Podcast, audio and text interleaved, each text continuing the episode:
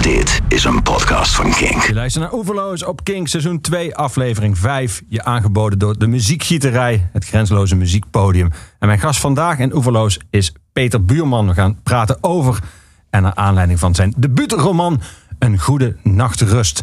Peter, welkom in Oeverloos. Dankjewel. Leuk dat je er bent. Ja. Ehm, nachtrust eh, en de slaap en de nacht spelen een eh, belangrijke rol in, jouw eh, in jouw roman. Ehm, hoe heb je zelf geslapen vannacht? Laten we daar eens mee beginnen. Best wel goed. Beetje te laat naar bed gegaan. Ehm, Hoe laat is dat? Iets te laat? Ja, ik, ik, eigenlijk voor 12 uur is alles goed. Voor mijn gevoel. Dat, eh, dat komt altijd wel goed. En nu ben ik dus iets na 12 uur. Nou ben ik om half 1 of zo gegaan. Ehm, ja, dat was een beetje eh, net iets te laat. Ik had iets eerder moeten gaan. Maar ik heb eigenlijk wel heerlijk geslapen. Ehm, het is alleen zo. eh, deze vraag krijg ik natuurlijk vaker. Eh, nou, Nu, als je, inmiddels bedoel je? Als je- Ja. Nou nee, ja, als je zo'n boek eh, met, met zo'n titel schrijft, dan willen mensen altijd weten hoe je geslapen hebt. Ehm, maar eh, het is vaak eerder zo. Ik slaap eigenlijk altijd wel goed, maar ik ben wel een beetje een, een slow starter. Dus ik zit hier nu wel. Ja, dat weten luisteraars dan misschien niet. Maar het is, het is, het is nu, wat is het, tien uur? Ja. Ja, ik moet nog een beetje op gang komen. Dus als mensen denken...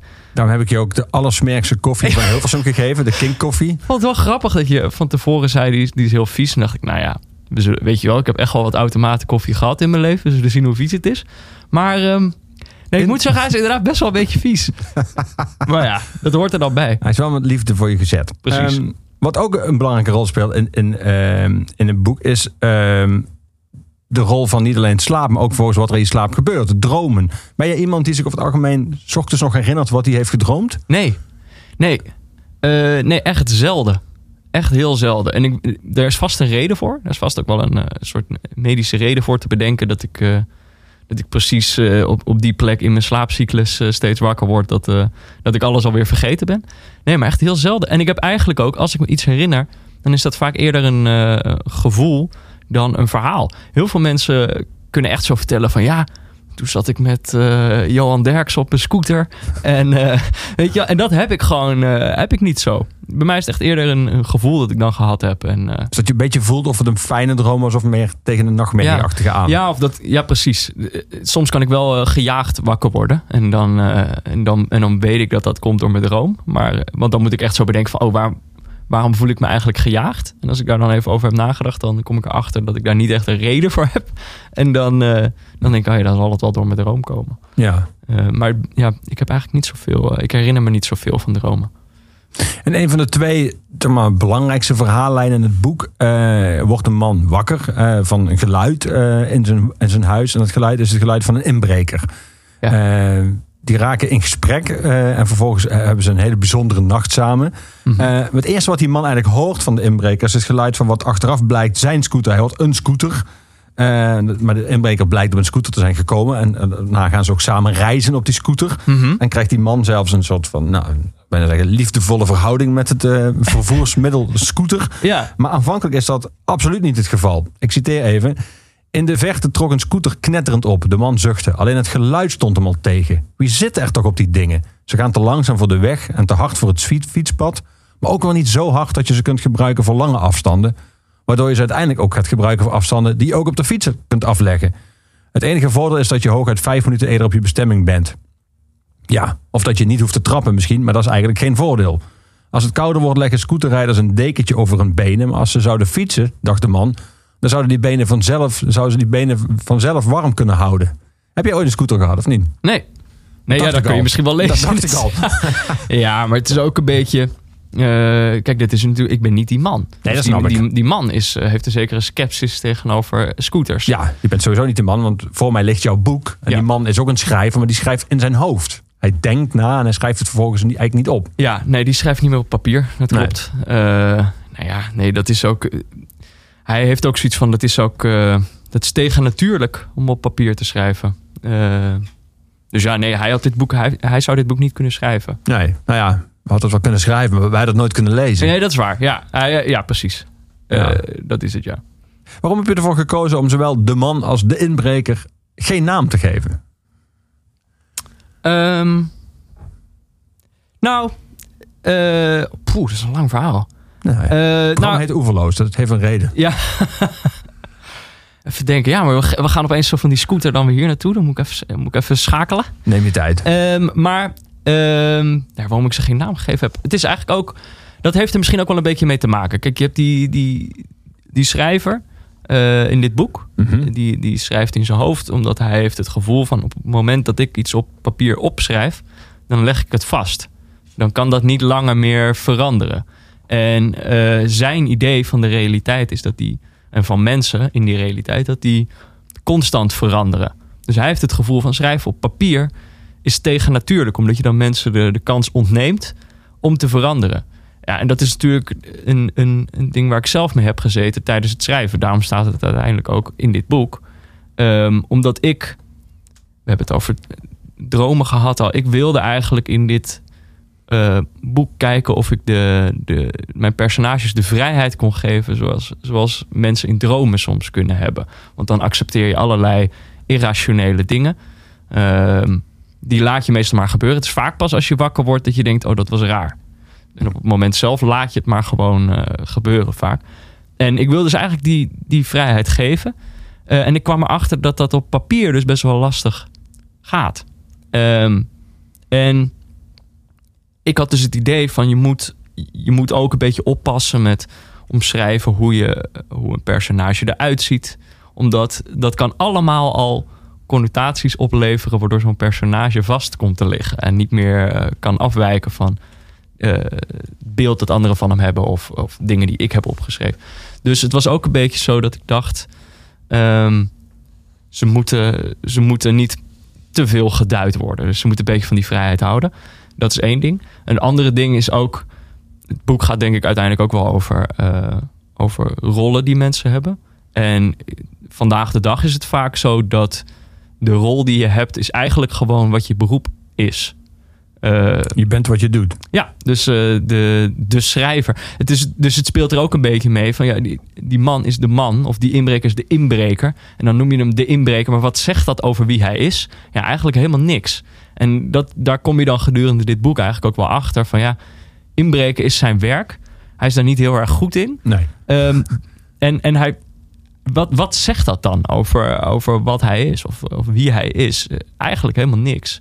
Eh, dus het is ook een beetje een spel om, om de lezer te laten voelen van wat weet ik nou eigenlijk over deze persoon, over wie ik aan het lezen ben. Ja. Eh, en dat is, mak ja, dat is makkelijker als je, als je er zo de nadruk op legt, denk ik. Ja. Oké, helder. Ik vraag het. Ik, ik Terwijl het was aan het begin was het ook gewoon, sorry, aan het begin was het ook gewoon dat ik dacht, het lijkt mij grappig als ik deze, als ik deze inbreker gewoon een heel boek lang de inbreker kan noemen. Kijken of dat lukt, of dat logisch wordt, of dat niet vervelend wordt tijdens het lezen. Eh, maar het is gelukt. Het is gelukt. het, het wordt ook niet vervelend. En ook wel mooi is, ik wil niet te veel over de, het verloop van het verhaal vertellen, maar dat de man, zeg maar, die dus de schrijver is, eh, die in het bed ligt en wakker wordt van de inbreker, langzamerhand ook zelf in zijn gedrag meer op de inbreker gaat lijken. Oh, is dat zo? is natuurlijk ook wel interessant. Nou ja, hij wil. Hij, eh, ze, ze, het grappige is natuurlijk, kijk, die ontmoeting is eigenlijk een ontmoeting waar eh, normaal een confrontatie eh, zou ontstaan. Weet je wel? Iemand is bij jou aan het inbreken. Ja, normaal word je toch boos op zo iemand. Maar deze man, die heeft eigenlijk hulp nodig. Ja, die heeft eigenlijk iemand nodig die snakt naar wat menselijk contact. En omgekeerd is die inbreker, ja, dat is dus ook niet zo'n goede inbreker. Dus op het moment dat hij iemand aantreft in dat huis. Eh, en, en iemand die er niet zo gezond uitziet of zo, dan heeft hij, maakt hij zich meteen zorgen. En dan wil hij zich meteen ontfermen ja, eh, over die man. Dus zij hebben ook onmiddellijk al een soort. eh, ja, hoe zeg je dat? Zij, zij mogen elkaar eigenlijk al aan het. zo gedurende dit verhaal. Dus dan gebeurt het ook zo dat ze elkaar een beetje. Ze willen elkaar ook helpen. ja. Ja, en dat is dus die, die inbreker helpt die man. Maar omgekeerd wil die, die, die man. die probeert de, de inbreker ook te helpen. Ja. Dus het grappige, dat- ik las een interview met jou in de Volkskrant waar je het had over eh, humor. Je hebt zelf, eh, daar komen we straks nog over te spreken, voor onder meer de satirische website De Speld eh, geschre- eh, geschreven. En voor, eh, je hebt het programma van Arjen Lubach meegewerkt.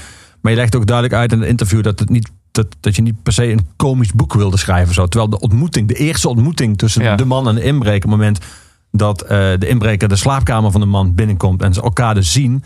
Ja, die, ik moest daar echt keihard om lachen. Omdat het zo absurd is dat de eh, inbreker tegen de man zegt... sorry, ik dacht dat je dood was. En dat eh, de man vraagt, wat komt u doen? En dan de inbreker zegt, ik ben de inbreker, zei de inbreker. Ah, vandaar, zei de man. Ja, nou ja, het is natuurlijk ook...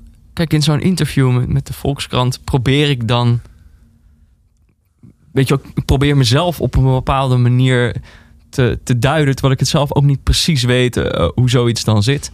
En dat ik dan, weet je, als je dat uiteindelijk in de krant leest... dat je er dan ook weer langer over gaat nadenken... waardoor ik er nu weer net iets anders antwoord. Weet je ook, ik ben zelf ook aan het veranderen. Ja. Maar ehm, eh, ik denk wat het, wat het misschien eerder is, en die anekdote staat ook in, eh, in, in het interview, dat ik vroeger vaak zelf bedacht moppen aan mijn zus vertelde. En dat zij dan gewoon eigenlijk altijd wel lachte. Dat was toen we echt nog wel jong waren. En dat ze me dus later een keer vertelde. Zo, ja, maar dat sloeg nergens op, weet je wel. Dat ging nergens heen.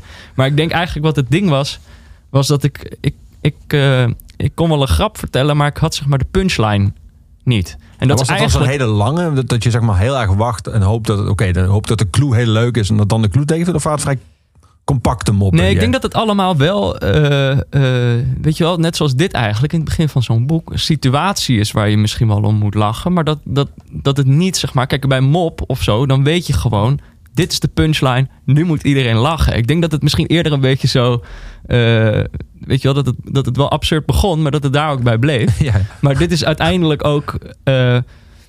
kijk, ik, in eerste instantie wilde ik niet alleen maar een grappig boek gaan schrijven. Omdat ik altijd wel op zoek wil gaan naar. eh, en daarom kom je dan uiteindelijk denk ik ook bij de spel terecht. Omdat je niet alleen maar een grap wil vertellen, maar je wil, er ook, je wil ook iets ermee kunnen zeggen. Dus ik wil ook altijd wel op zoek naar wat ik eigenlijk wil zeggen. Ik wil niet alleen maar grappig zijn. Maar wat ik ook heb gemerkt tijdens het schrijven van dit boek is ik kwam er op een gegeven moment ook achter van ja, het is ook mijn aard. Niet dat ik, niet dat ik nu over mezelf zeg dat ik grappig ben, maar om dus een absurde situatie op te zoeken of om eh, dingen te zeggen die, die dubbelzinnig zijn en daardoor eh, grappig opgevat kunnen worden. Dat is wel mijn aard. Dus eh, kijk, dat, dat, dat veranderlijke of dat vloeibare waar die, waar die, waar die schrijver het over heeft, dus die, die angst die hij heeft om iets vast te leggen. vast, ja. Ja, ik denk zeg maar, soms kan je misschien nog wel wat van die vrijheid behouden, ook op papier, op het moment dat je op zoek gaat naar ironie of dubbelzinnigheid of humor. Ehm, dus ja, uiteindelijk kwam ik erachter van, ik wilde geen grappig boek schrijven, maar ja, da- daardoor was ik mezelf ook een beetje aan het, eh, aan het verlogen of zo. Was ik meer een pose aan het aannemen. En toen ik weer grappiger ging schrijven, kwam ik erachter, oh, dit is misschien eerder eh, mezelf. Dit is gewoon, dit voelde normaler. Ehm, dus ja, ik kom, kan er toch niet helemaal omheen. Heb je eh, zus het boek al gelezen? Ja. Moest ze er nu wel om lachen, om jou? Eh, ja, nou, ik, ik was vooral heel leuk. Mijn, mijn zus houdt namelijk totaal niet van lezen. Eh, die die had, heeft denk ik gewoon sinds de, sinds de middelbare school, de laatste keer dat het moest, heeft ze gewoon echt geen, de- geen de- boek meer opengeslagen. Ehm, maar dat ze echt, eh, ik had het aan haar gegeven voordat het officieel verschenen was. Ehm, en dat zij een dag later al zei van ja, ik ben al op een derde of zo. Dat is dan een heel mooi, mooi compliment. Maar ehm, eh, ja, ik weet niet of ze. Ik bedoel, dat zou je aan haar moeten vragen wat ze er precies van vond. Maar eh, tegen mij heeft ze in ieder geval laten weten dat ze, dat ze trots was. En dat is toch ook wel fijn. En, eh, en ze zei ook, dat vond ik wel grappig, dat ze ook over die moppen zei. Want dat las ze dan natuurlijk ook in de krant. zei ze ja. Maar ik vond, ik moest wel lachen hoor. Maar ze waren gewoon niet zo. Dat ze zei, ze waren wel leuk en absurd. Maar dus ze, wilde, ze dacht ook dat ik mezelf te veel naar beneden had ge- gepraat met, eh, met die anekdote. Ja. Vond ik ook wel lief dat ze dat nog even rectificeerde. We gaan muziek draaien. Ehm, we gaan, ik ga beginnen met een nummer dat je hebt uitgezocht dat ook in een boek voorkomt. Eh, de inbreker krijgt een begin. Daar gaan we straks eh, wat later over praten. Krijgt hij ook les. Eh, hij moet opgeleid worden in het vak. Hij gaat met een ervaren inbreker mee koert.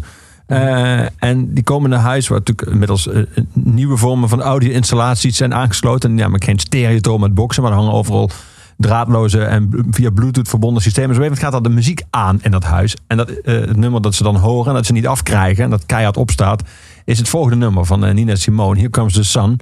Eh, waarom koos je voor deze in het boek en nu ook hier in de uitzending? Dus ik neem aan het nummer is dat Mm. wel iets meer voor je betekent dan... Nou, ehm, kijk, het, het boek gaat natuurlijk over, over één nacht. Ja. Ehm, dus eigenlijk is de, de zon is dan afwezig. Dat heeft ook, die afwezigheid van de zon heeft ook allerlei gevolgen eh, in dit boek. Ehm, ja, en waarom ik dit liedje dan specifiek... Kijk, ik, ik heb veel muziek... eh, ik heb ook eigenlijk wel een nieuwe waardering voor muziek gekregen... doordat ik een boek aan het schrijven was. Oh, vertel. Eh, ik, ben, ik hou sowieso echt wel veel van muziek, maar ik merkte zo dat ik op, echt wel op een andere manier ging luisteren. Ik kan dus niet tijdens het schrijven kan ik alleen maar instrumentale muziek luisteren, maar daaromheen haal ik wel veel meer inspiratie uit, uit muziek met teksten ook. Maar als je Eh, schrijft terwijl iemand zingt, dan word je afgeleid. Ja, ja, ja, dan, Dan je luisteren. ja, dan is iemand door me heen aan het praten. Terwijl ik zelf probeer te bedenken wat ik eigenlijk wil zeggen. Weet je. Dus dat vind, ik echt heel, dat vind ik echt heel lastig. Dat lukt me inderdaad heel moeilijk. Dus dan moet ik echt... eh, vaak zet ik klassieke muziek op, omdat het dan ook wel rustig eh, is over het algemeen. Of dat maakt mij in ieder geval rustig. Ehm, maar de- eigenlijk twee dingen. Dus het kan mij inspireren doordat de muziek heel goed is in direct een soort energie eh, vangen en overbrengen. Dat is ook iets wat, wat, wat in schrijven heel lastig is. Eh, omdat je, het voelt altijd als een extra stap. Die zet, terwijl muziek kan gewoon meteen binnenkomen voordat je precies weet wat er gebeurt. En eh, soms kunnen teksten kunnen natuurlijk wel poëtisch zijn. En wat ik wel leuk vind is dat soms kan ik een zin horen in een liedje wat dan heel waar voelt. En wat dan uiteindelijk, als ik het op zou schrijven, enorm kitscherig is of zo. Dus het, uiteindelijk biedt muziek wel een ruimte om misschien net wat dingen te kunnen zeggen die je nergens anders kan zeggen. Ja, en wat Nina Simone, eh, ik vind dit, dit is een mooi geruststellend liedje. Dus het, is- het is s'nachts, het is die nacht, het is, eh, het is donker. Eh, veel van die personages in het boek maken zich behoorlijk zorgen. Ja. En dit, er zit, dit, dus de energie die dit liedje heeft, is gewoon van het komt wel goed. Die zon komt weer een keer terug. Ehm, ja, en zeker, ik bedoel, nu zitten we ook, eh, we zitten midden in de, de, donkerste dagen van, eh, van het jaar, zeg maar. Maar en, en daar kan ik dan ook wel eens last van hebben, een winterdip. Maar dan is het heel prettig om dan te weten van die zon komt eraan. Komt wel goed en dat, dat kan zij goed.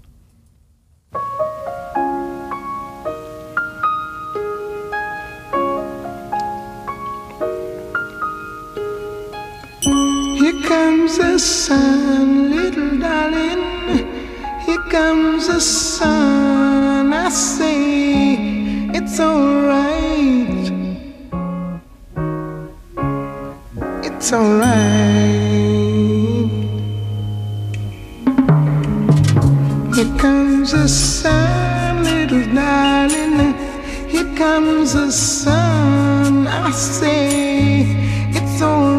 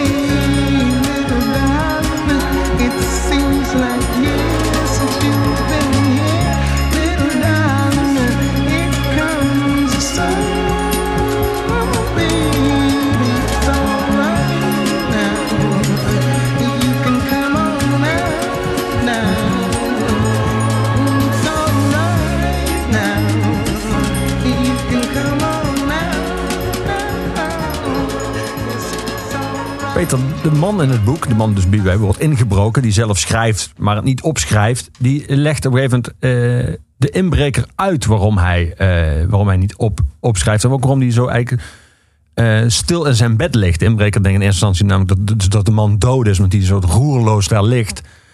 En die man legt dan uit dat hij heel erg houdt van die soort van schemerwereld tussen slaap en wakker zijn. Die wereld waar je droomt en waar je. En hij zegt dat daar wilde ik blijven, tussen die werelden in, waar mijn ideeën werkelijk vrij konden zijn. Dat kan niet op papier, dat kan alleen in bed. Ja, in het begin van het boek haal je Charlie Kaufman aan, die ook een soort associatie legt tussen eh, een soort vrijheid, zelfs creatieve vrijheid die we hebben als we niet wakker zijn, als we in onze slaap zijn. Dat is natuurlijk Dat is het ongelooflijk veel. motto eh, van... eh, Ja, precies. Daar is natuurlijk heel veel over eh, geschreven. Over, de, de- je, had, je had je volgens mij al drie jaar kunnen inlezen van tevoren allerlei slaap- en droomonderzoeken. Ja. Heb je die neiging gehad of niet? Of heb je gewoon Nee. het gehouden bij jouw eigen gevoel ook bij slaap en bij droom? Eh, ja, nee, dat, dat tweede wel. Eh, ik ben ook niet zo'n onderzoeker. Ik heb, ik heb wel een, eh, een, een onderzoeksmaster gedaan in, in de Nederlandse letterkunde. Maar daar ben ik er dus achter gekomen dat ik niet zo'n onderzoeker ben. Ehm, Welke kwaliteit die een onderzoeker dient te hebben, ontbeer jij? Ik, denk, eh, ik denk dat ik.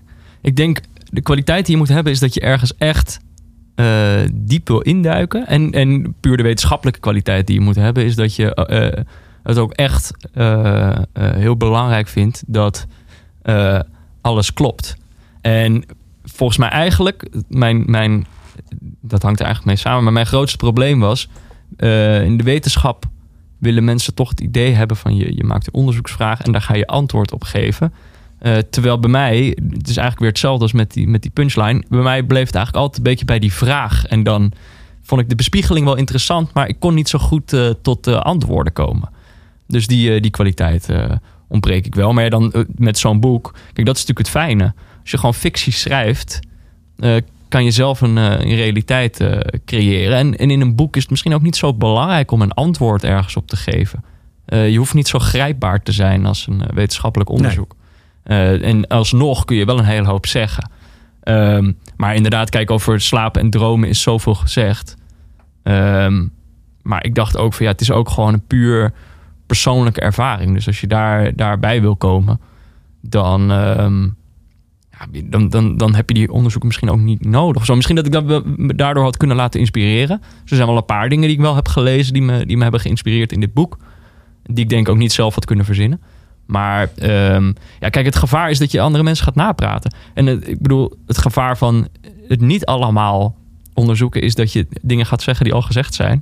Maar ja, daar, daar, daar hoop ik dan maar op dat ik toch eh, diep in mijn hart origineel genoeg ben om, eh, om, iets, om iets anders te kunnen zeggen eh, daarover. Terwijl tegelijkertijd, het fijne is natuurlijk ook, is ook heel cliché, dromen. Ik bedoel, ja, dat heeft de fascinatie van, eh, van honderden jaren aan, aan kunstenaars, duizenden jaren aan kunstenaars wel, eh, wel geprikkeld. Dus het is ook enorm cliché. Maar ja, dat is het- natuurlijk ook wel weer het prettig als die clichés helemaal bestaan. Dan kan je er ook mee spelen. Dus dan is dat onderzoek misschien ook minder hard nodig. Ja. Dus, ik zei al in het begin, het ene pad volgen we de inbreker en de man. En het andere grote verhaallijn gaat eh, over, heeft ook met slapeloosheid en de nacht te maken. Een actrice, Floor. Uiteindelijk ontmoeten die twee verhaallijnen en die personages elkaar. Eh, maar Floor, die worstelt ook met de slaap. Die gaat eigenlijk naar een, eh, naar een coach. Eh, die bestaan ook echt, hè? Ja, ja, weet ik niet. Maar daar heb ik dus ook eigenlijk, daar dacht ik, moet ook niet te veel naar kijken. Zij is inderdaad, zij ligt, zij ligt wakker. Dat is de Ja. eerste keer dat je haar treft, ligt zij in bed te piekeren. En dan kom je er ook achter dat ze dat dus al, al veel langer doet. En dat ze op aanraden van, van onder andere haar vriend inderdaad haar heil heeft gezocht bij een, een slaapcoach. Ja tuurlijk, ja, tuurlijk bestaan die echt. Maar dat is natuurlijk ook een beetje... Je hebt overal coaches voor. Dus eh, ja, nogal wie dus dat de, dat de slaapcoach er ook is. Omdat slaap eh, is nu dan weer, weet je het is nu in de mode om, om goed te slapen. Hoe doe je dat eigenlijk? En dat maakt natuurlijk ook wel een interessant eh, onderwerp voor zo'n boek, of in ieder geval voor mij. Is dat er volgens mij een heel interessante tegenstelling zit tussen, eh, zeg maar, je wil graag beter slapen, maar volgens mij lukt dat pas op het moment dat je die wil een beetje laat, laat gaan. Dus het is echt waar de, de, de drang tot, eh, tot maakbaarheid van het leven ook een soort grens bereikt. Waarin je gewoon weet van ja, het gaat je pas lukken op het moment dat je het niet meer probeert. Ja, Eh, en dat gaat natuurlijk wel een beetje tegen, de, tegen het algemene idee in. Van ja, dat iets je gaat lukken als je maar hard genoeg je best doet. En hier is het zo van ja, je moet soms controle een beetje laten varen. Ja. En dat is. eh, dat geeft, krijg je ook wel te horen. Want je, je, je laat daar ook zeggen dat alle zeg maar, remedies tegen slapeloosheid die je dan krijgt te horen, zijn altijd dezelfde. Meditatie, mindfulness, wietolie. Niet olie. nou ja, ik dacht inderdaad, je hebt meditatie, je hebt mindfulness. Wat heb je dan nog? Ik denk ook dat eerst stond er iets anders op de plek. Volgens mij stond er eerst melatonine op de plek van, van wietolie. En dan al- allitereerde het ook nog eens met drie M'en. Maar ja, ik vond wietolie is een beetje, ja, misschien toch bijna een punchline, een soort kikker daarin. Terwijl dat ook volgens mij iets is wat mensen nu tegen elkaar zeggen. Oh, dan doe je toch gewoon een beetje zo van die olie. druppeltjes. Ja, dan slaap je weer. Ja. Maar dat, ook dat is dan weer, weet je wel, eh, koop dit middel en het komt wel goed. Eh, je gaat vanzelf weer lekkerder slapen. En het zal ongetwijfeld zo zijn. Maar ja, uiteindelijk is dat dan toch ook wel weer onderdeel van een, van een systeem waarin er altijd iets is om te kopen, om je problemen op te lossen. Of iets wat je, wat je zelf te pakken kan krijgen, of iets wat je moet vinden. Ehm, terwijl, ja, dat is natuurlijk ook waarom, waarom slapen en dromen interessant blijft. Omdat het een gebied is waar we, waar we geen vat op hebben. Ehm, en op het moment dat we dus met mannenmacht gaan proberen om daar wel vat op te krijgen, dan, ja, dan zijn we volgens mij onze laatste, laatste restje, hoe zeg je dat, laatste restje menselijkheid zijn we ook eh, aan het onderdompelen in het eh, kapitalisme. om maar heel heftig te zeggen, ja. En die zoektocht van Floor naar, eh, naar de slaap en naar een nachtrust. eh, er komt ook een nummer langs. Eh, het nummer Dancing in the Dark van Bruce Springsteen. Ja. Eh, je zou kunnen zeggen, voor dat nummer geldt het tegenovergestelde van wat je juist zei, wat soms bij popmuziek het geval is, namelijk dat iets heel diep klinkt en als je het dan op papier gaat lezen, blijkt er eigenlijk vrij weinig van over te zijn. Dancing in the Dark was in de jaren 80 een pophit, Ja, maar is textueel gewoon natuurlijk een, een schreeuw om liefde en om, is bijna een noodkreet het nummer, terwijl het Ja. klinkt alsof een heel vrolijk eh Nou, dit is natuurlijk ook een voorbeeld. eh, dit is inderdaad een an- ander, ander stuk muziek wat me op een bepaald moment tijdens het schrijven inspireerde. Maar eh, het grappige is, als je eenmaal bezig bent met zo'n boek. wie zei dat nou tegen mij? Volgens mij was het Joost de Vries, ook een, ook een schrijver. Die zei tegen mij: van, je krijgt altijd een soort fase van betrekkingswaan. Als je aan het schrijven bent. Dus dat je alles, alles wat je ziet, alles wat je hoort, dat je denkt: oh, maar dat heeft te maken met, met mijn verhaal. En dat had ik ook met dit, dit liedje. Eh, er zat een soort. eh, ook dus enerzijds weer de energie van dit liedje is geweldig. Ik hoorde het dus. Het ding dat we straks gaan horen is niet van Bruce, Bruce Nee. Springsteen, maar van Lucy Dacus. Ja, het is vaak gecoverd, eh, dit nummer. Ja. En heel veel verschillende, maar zij heeft al die energie vastgehouden, vind ik. Ja, ja, daar heeft zij du- duidelijk wel voor gekozen. Zij heeft ook een John Legend schitterende... bijvoorbeeld heeft ook een cover en die, maakt hem, die, gaat, die, die gaat heel erg in op dat gemoed van de tekst. Dus dat, dat wordt veel, Ja, ja. veel gedragener. Die energie eruit. Ja, maar ik vind juist het mooie dus inderdaad. Dat het, dat het gewoon klinkt als pop. Terwijl volgens mij Bruce Springsteen daar eh, eh, ergernis in heeft gestopt. En inderdaad eh, een, een, een schreeuw in heeft kunnen stoppen. Er zit ook iets grappigs in dat liedje, vind ik. Er staat ook een zin. Wacht, moet ik even opzoeken. Die heb ik wel opgeschreven. Anders ga ik dat weer vergeten. Oh ja, maar er staat dus ook de zin in. I'm dying for some action. I'm sick of, sick of sitting around here trying to write this book. Toen dacht ik ook, ja, ik ook, weet je wel. Ik word er ook gek van, van dat schrijven. En je wil soms wat, eh, wat actie. En het grappige is... Volgende zin is overigens, I need a love reaction. Dat is altijd Ja. het moment bij zijn optredens waar het publiek op die love reaction Ah, reageert ja. door hem die te geven. Dat is, een soort, dat is een, soort Dat is een running gag. Nou ja, running gag. Dat, dat, je kan ook zeggen, ze beantwoorden de noodkreet. Bij I need a love reaction komt Ja. altijd applaus. Ja, volgens, en wat er ook volgens mij nog een beetje zit in dat, eh, in dat lied... is dat hij verzet zich volgens mij ook een beetje... zeg maar, tegen het idee dat hij eh, een popster is of zo. Want dan, ze willen weer een nieuw liedje van hem. Zo voelt het ook een beetje. Ehm, maar de, de, dus die betrekkingswaan was uiteindelijk zo... dus inderdaad dat zinnetje over dat boek. Ik dacht, ja, dat, dat, dat voelde ik wel. En dat voelde een personage denk ik ook wel. Maar er zit ook gewoon... en dat vind ik dan wel een beetje een kitscherige zin. You can start, start a fire without a spark. Eh, bedoel, dat- zou ook op een, een Xenos bordje kunnen staan. Ehm, maar ja, daardoor, het past op dat moment heel goed in mijn verhaal. Omdat er, er moet op een gegeven moment iets gebeuren. Voelen die mensen, die personages in het boek voelen zelf eigenlijk ook wel van... ja, waar gaat dit verhaal eigenlijk heen? Moet er niet eigenlijk toch eh, nog iets plaatsvinden? En op, Ja. op die positie in het boek is het uiteindelijk ook wel terechtgekomen. Ja.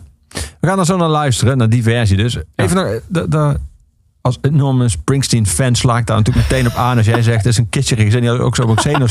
Ik denk, oké, maar wel in die volgorde. Waarschijnlijk was hij dan in 1984 door Bruce gezongen. En is hij, ja.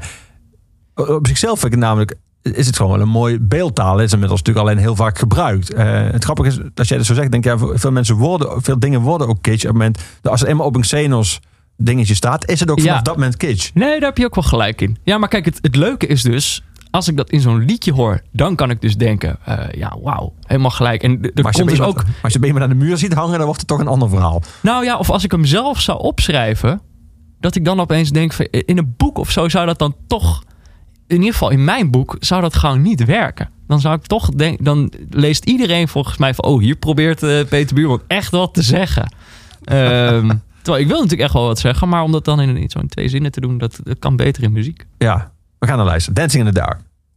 I get up in the evening and I ain't got nothing to say. I come home in the morning. I go to bed feeling the same way. I ain't nothing but tired. Yeah, I'm just tired and bored with myself. Hey there, baby.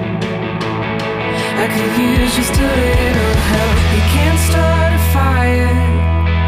You can't start a fire without a spark. This gun's for hire. Even if we're just dancing in the dark.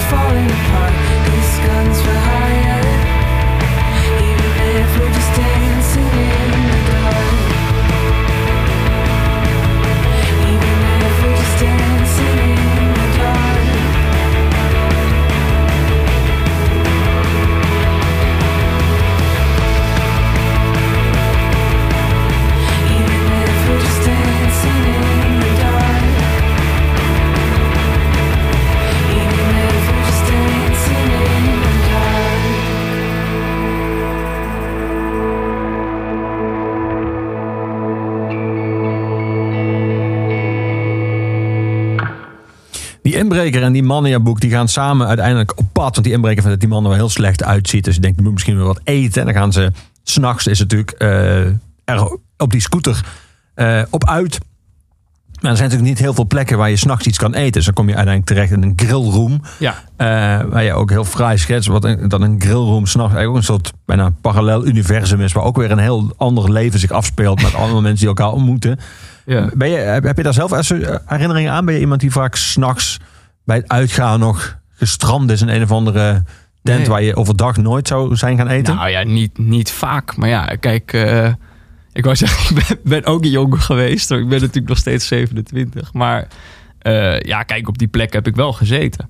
Ehm, en nou ja, het, het grappige is dus dat je inderdaad bedenkt van... oké, zij moeten gaan eten. Deze man en deze inbreker. Want die man heeft geen eten in huis. En waar, ja, waar ga je dan naartoe? Ja, dan dacht ik ja, dan toch naar, naar een shawarma-zaak. Dat is ook een beetje... Kijk, die inbreker... Ik weet ook niet precies wat voor iemand dat is... maar dat ik wel denk, die gaat dan naar zo'n plek. Weet je wel, die kent dan wel zo'n plek. Die, die heeft dan wel een vaste grillroom... waar, waar hij naartoe gaat of zo. Ja. 's nachts wat te eten.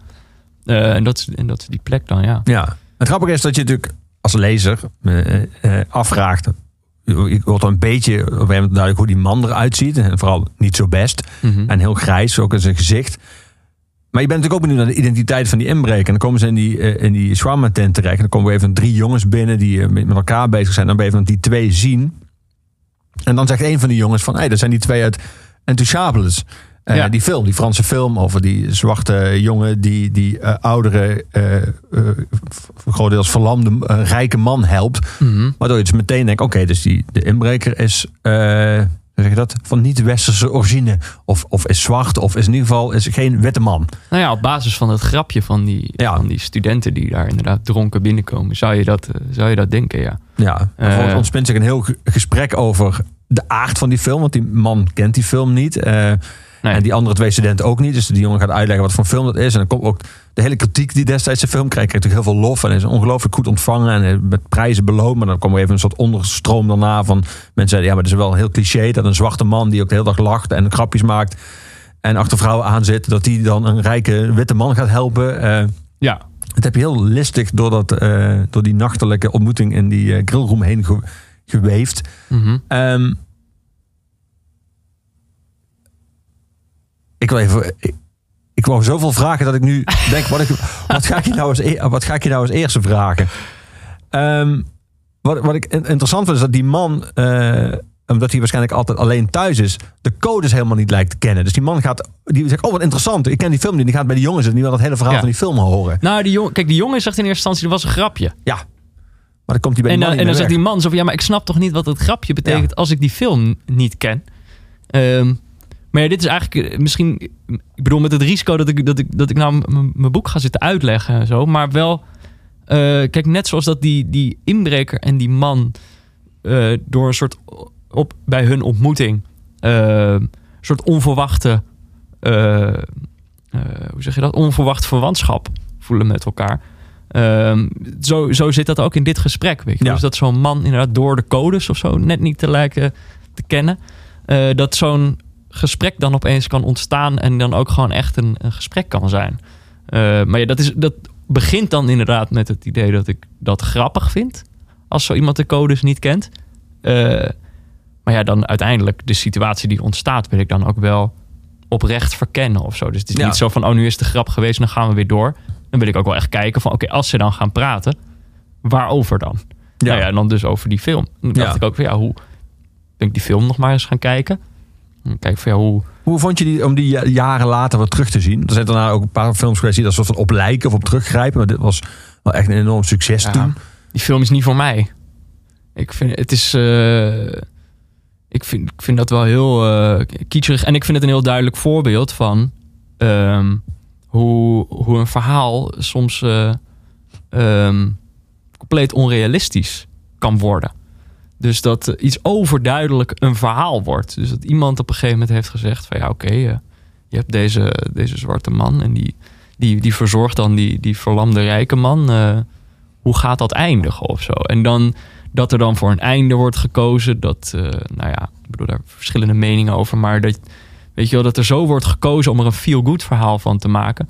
Dat het daarmee ook eigenlijk een beetje van die realiteit afge, afgehaald wordt. Eh, en, en ik vind dat gewoon vervelend in een film. Niet dat de film per se helemaal realistisch moet zijn, maar eh, op het moment dat ik te veel de, de druk van een verhaal voel, als ik ergens naar zit te kijken, dan, eh, ja, dan, dan ben, ben je mij eigenlijk al kwijt.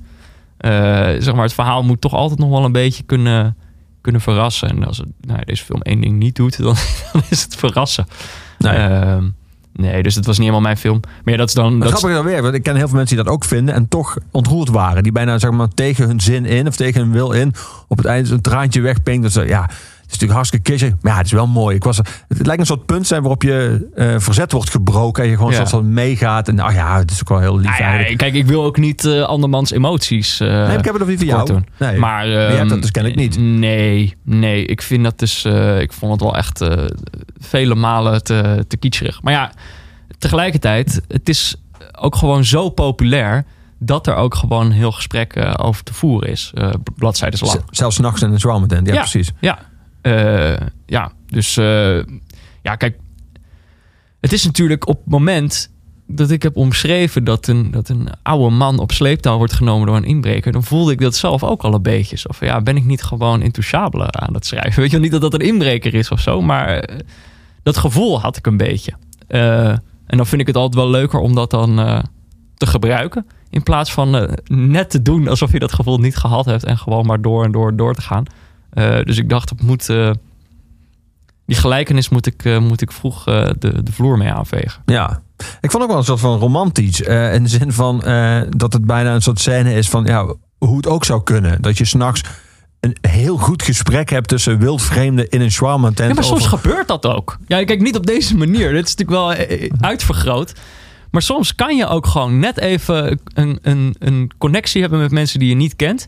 En dat brengt mij echt, echt wel zoveel plezier. En ik, ik heb inderdaad het gevoel, s'nachts gebeurt dat toch eerder dan overdag. Overdag heeft iedereen wat te doen. Eh moet ze altijd ergens naartoe. Maar ja, als je om drie uur s'nachts in de grillroom zit... heb Je je hebt geen niet heel veel plekken om naartoe te gaan, weet je wel. Soms zijn mensen dan ook al helemaal niet meer aanspreekbaar. Maar je kan net daar een heel grappige ontmoeting hebben met iemand die je Ja. nog nooit gezien hebt en daarna ook nooit meer gaat zien. Heb je er bewust voor gekozen of is dat gewoon hoe ik het las? eh, dat er in het begin een soort dreiging in zit. Want als drie jongens binnenkomen en ze spreken die man aan. En ik, oh, dit gaat, dit gaat nasty worden. Ze gaan hem lastigvallen of ze krijgen ruzie of ze slaan hem in elkaar. Of, dat, dat las ik in eerste instantie. Dacht ik dat het die Ja. kant op ging. Ja, tuurlijk. Ja, maar ik bedoel, die gasten, het zijn ook, het zijn, eh, het zijn drie jongens die, die behoorlijk wat gedronken hebben. Ja, ik bedoel, dat kan ook, eh, dat kan ook twee kanten op. Dus het is ook, eh, het is ook dreigend. En daarom is het ook eh, link wat die man doet. Ik bedoel, hij, hij heeft zelf niet door dat het gevaarlijk is Nee. om toenadering te zoeken. Omdat hij die codes inderdaad niet kent. Maar, maar eigenlijk is dat wel gevaarlijk. Maar ja, dat, het pakt goed uit. ja, Het is ontwapenend. En dat is inderdaad iets. Op het moment dat je die dreiging laat voor dreiging of zo. Of als je echt inderdaad uit angst dan niks doet.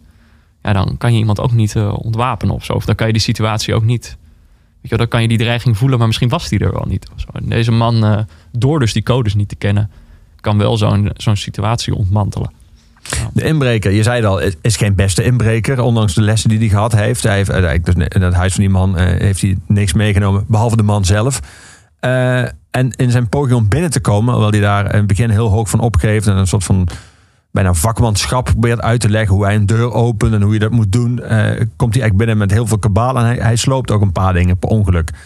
Als ze elkaar eenmaal wat beter leren kennen, dan biedt hij daar zijn excuses voor aan. Voor het feit dat hij ook wat dingen heeft kapot gemaakt. Waarop die man zegt, ach, het zijn maar spullen. Ja. Ehm, hoe is dat bij jou? Ben jij, ben jij, hecht, hecht jij je aan spullen? Ben jij materialistisch? Nee, ik ben niet zo materialistisch. Nee. Wat is jouw duurste bezit? Ik denk eh, een computer. Lijkt- Eh, me computer. Maar ja, precies. is- noodzakelijk. Ja, ja, maar dat is inderdaad eigenlijk wel. Ik koop niet zo heel vaak dingen die ik, eh, die ik niet nodig heb. Eh, of in ieder geval geen dure dingen die ik niet nodig heb. En kun je makkelijk dingen wegdoen ook, of niet? Of ben je in, in potentie een hoarder? Eh, nou, nee. Nee. Nou ja, ik doe niet, niet dat ik heel makkelijk dingen wegdoe. Maar ik, ik, heb, ik koop dus ook gewoon niet zo heel veel dingen. Je hoeft dus het, veel weg te doen, want er is niks. Nee, het hoopt zich nog niet zo heel gauw op. Maar misschien dat ik daar anders over denk als ik weer een keer moet verhuizen. En dan, en dan toch zie je hoeveel ik eigenlijk heb. Maar eh, nee, ja, boeken. Dat is wel echt, dat stapelt zich op. En jij leest van boek, dus van papier. Je Ja, bent dat geen, vind ik wel Je bent fijnste, geen e-boekenman. Nee, misschien komt dat nog een keer. Dat zou zomaar kunnen. Maar ik, ik hou wel echt van, van het papier en van het ding. Ik vind ook eigenlijk... ehm, ik vind dat ook het fijne. Het zeg maar een boek lezen, zo van papier, voelt ook bijna als een soort eh, ver- verzet tegen, tegen alle, alle schermen, alle digitale. En dan is natuurlijk zo'n zo'n e-book of zo'n eh, zo'n e-reader. Dat hebben ze dan nog wel zo gemaakt. Weet je, het is niet hetzelfde soort scherm. Dus ze maken ook een soort scherm dat lijkt op papier. Maar ja, ik vind het ook wel fijn dat je gewoon eens een keer geen apparaat in je hand hebt. En gewoon alleen maar zo'n analoge, rustgevende, rustgevend ding aan het doen bent. Ja, en dat je kan zonder oplader gewoon kan doorlezen. Ja, bijvoorbeeld. En dat je, ja, ik vind het soms is het gewoon alleen al heerlijk om het bij me te hebben. Dus dan moet ik, eh, zoals nu, ik een half uur in de trein gezeten, zitten er twee boeken met als weer drie, want ik heb mijn eigen ook meegenomen. En dan, zeg maar, het is niet alsof ik die allebei kan gaan lezen tijdens die treinreis of zo. Maar dan weet ik gewoon nog niet welke ik dan wil gaan lezen. Dan heb ik ze allebei bij me. Ja, dus ik ben, qua, wat boeken betreft ben ik Oh, wel interessant dit trouwens. Ik kan me voorstellen dat, weet ik wel, 15 jaar geleden jij misschien één boek had meegenomen. Ja, toen niet- toen was je 12, maar, maar als jij 15 jaar geleden Toen ik nul 27 boeken meegenomen. 27 was geweest. Maar omdat je nu zo gewend bent dat je heel veel keuze hebt, heb je in ieder geval, gun je jezelf Hmm. in ieder geval de keuze uit twee. Ja, en het is ook gewoon zo dat er, dat er gewoon nog heel veel boeken zijn die ik allemaal nog wil lezen. Of dan ben ik er in twee al begonnen. Ik kan ook niet zo, ik, wat ik niet zo gauw zou doen, is twee romans. Dus ik heb dan één essaybundel en één, één roman. Dat, dat kan. Want dat zijn twee verschillende, ja. Ja, hoe zeg je dat? Twee verschillende akkoorden of zo. Maar als ik twee romans door elkaar, dat, eh, dat zou ik niet zo gauw doen.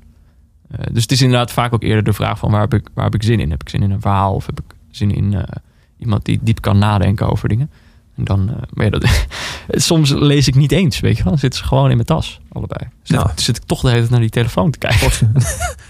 maar mocht ooit dan je trein stranden, weet je in ieder geval dat je een boek hebt. Ja, dat is waar. Ja. Maar dat is echt zo. En, en, en ik baal ook op momenten dat ik niks bij me heb. En dat ik dan opeens denk, oh shit, nu heb ik een half uur.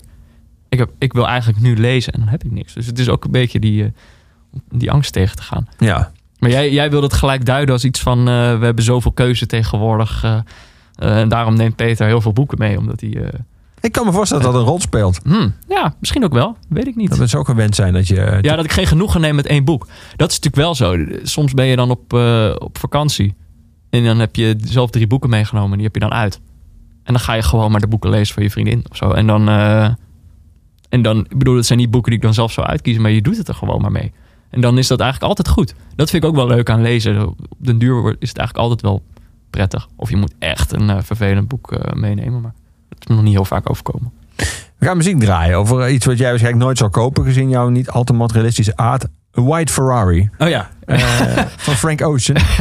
Van Had je dit bruggetje al bedacht? Of is het iets wat jullie... Ja, ik toch wel een kwartiertje op een kouwen, de bruggetje.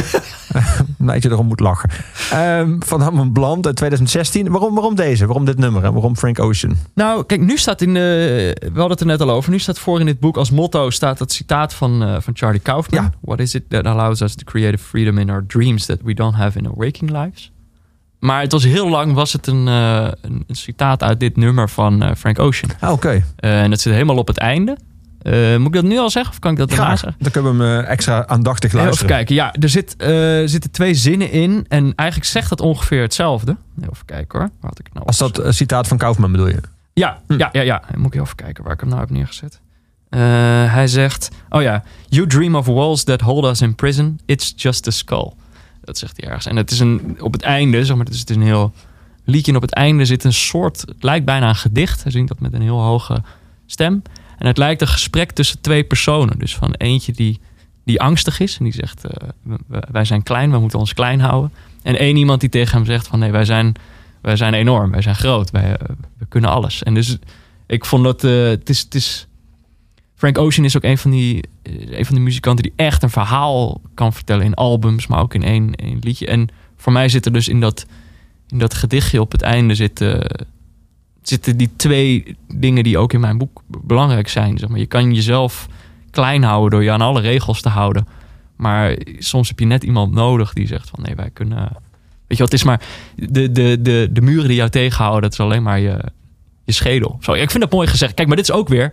Als ik het ga uitleggen, dan blijft het dan niet meer overeind. Terwijl ik voel het onmiddellijk als Je zo iemand het zegt. Je bent net te bang voor het Xenos-effect, geloof ik. Hè? Als je het eruit tilt. Nou, ik vind Frank Ocean. eh, als je dat op een eh, tegeltje zet, dan zouden mensen het niet kopen. Omdat ze het dan net niet helemaal. Het is net te poëtisch of zo.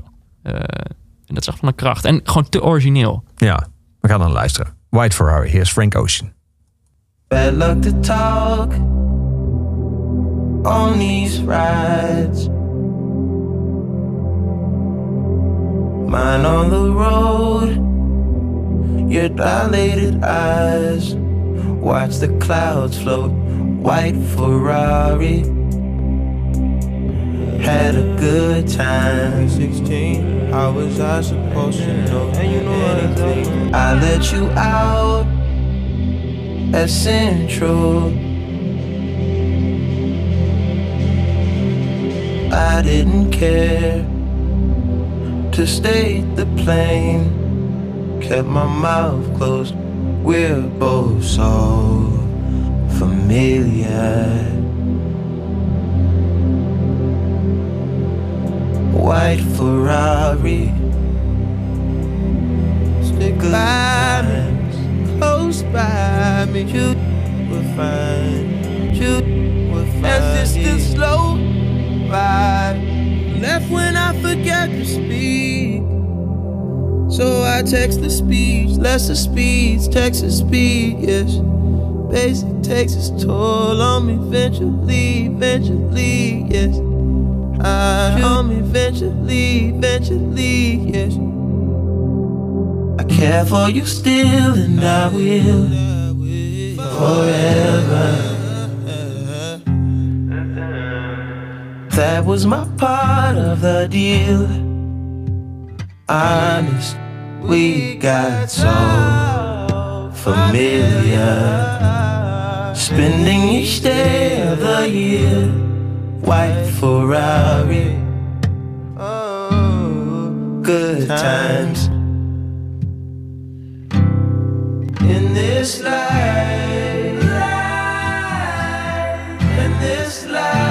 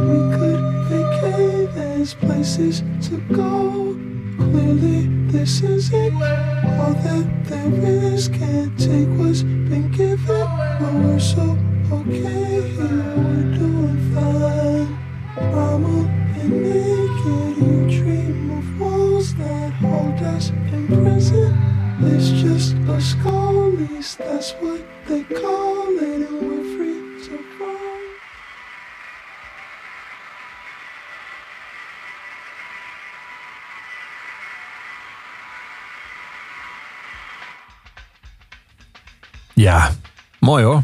Ja. Frank Ocean. Ja, hij zegt inderdaad, die laatste zin is nog... We're free, free to roam. En eh, dat was ook iets eh, wat in dit boek... Ik dacht ook, we moeten, die mensen in dit boek moeten ook vrij zijn om, om te dwalen.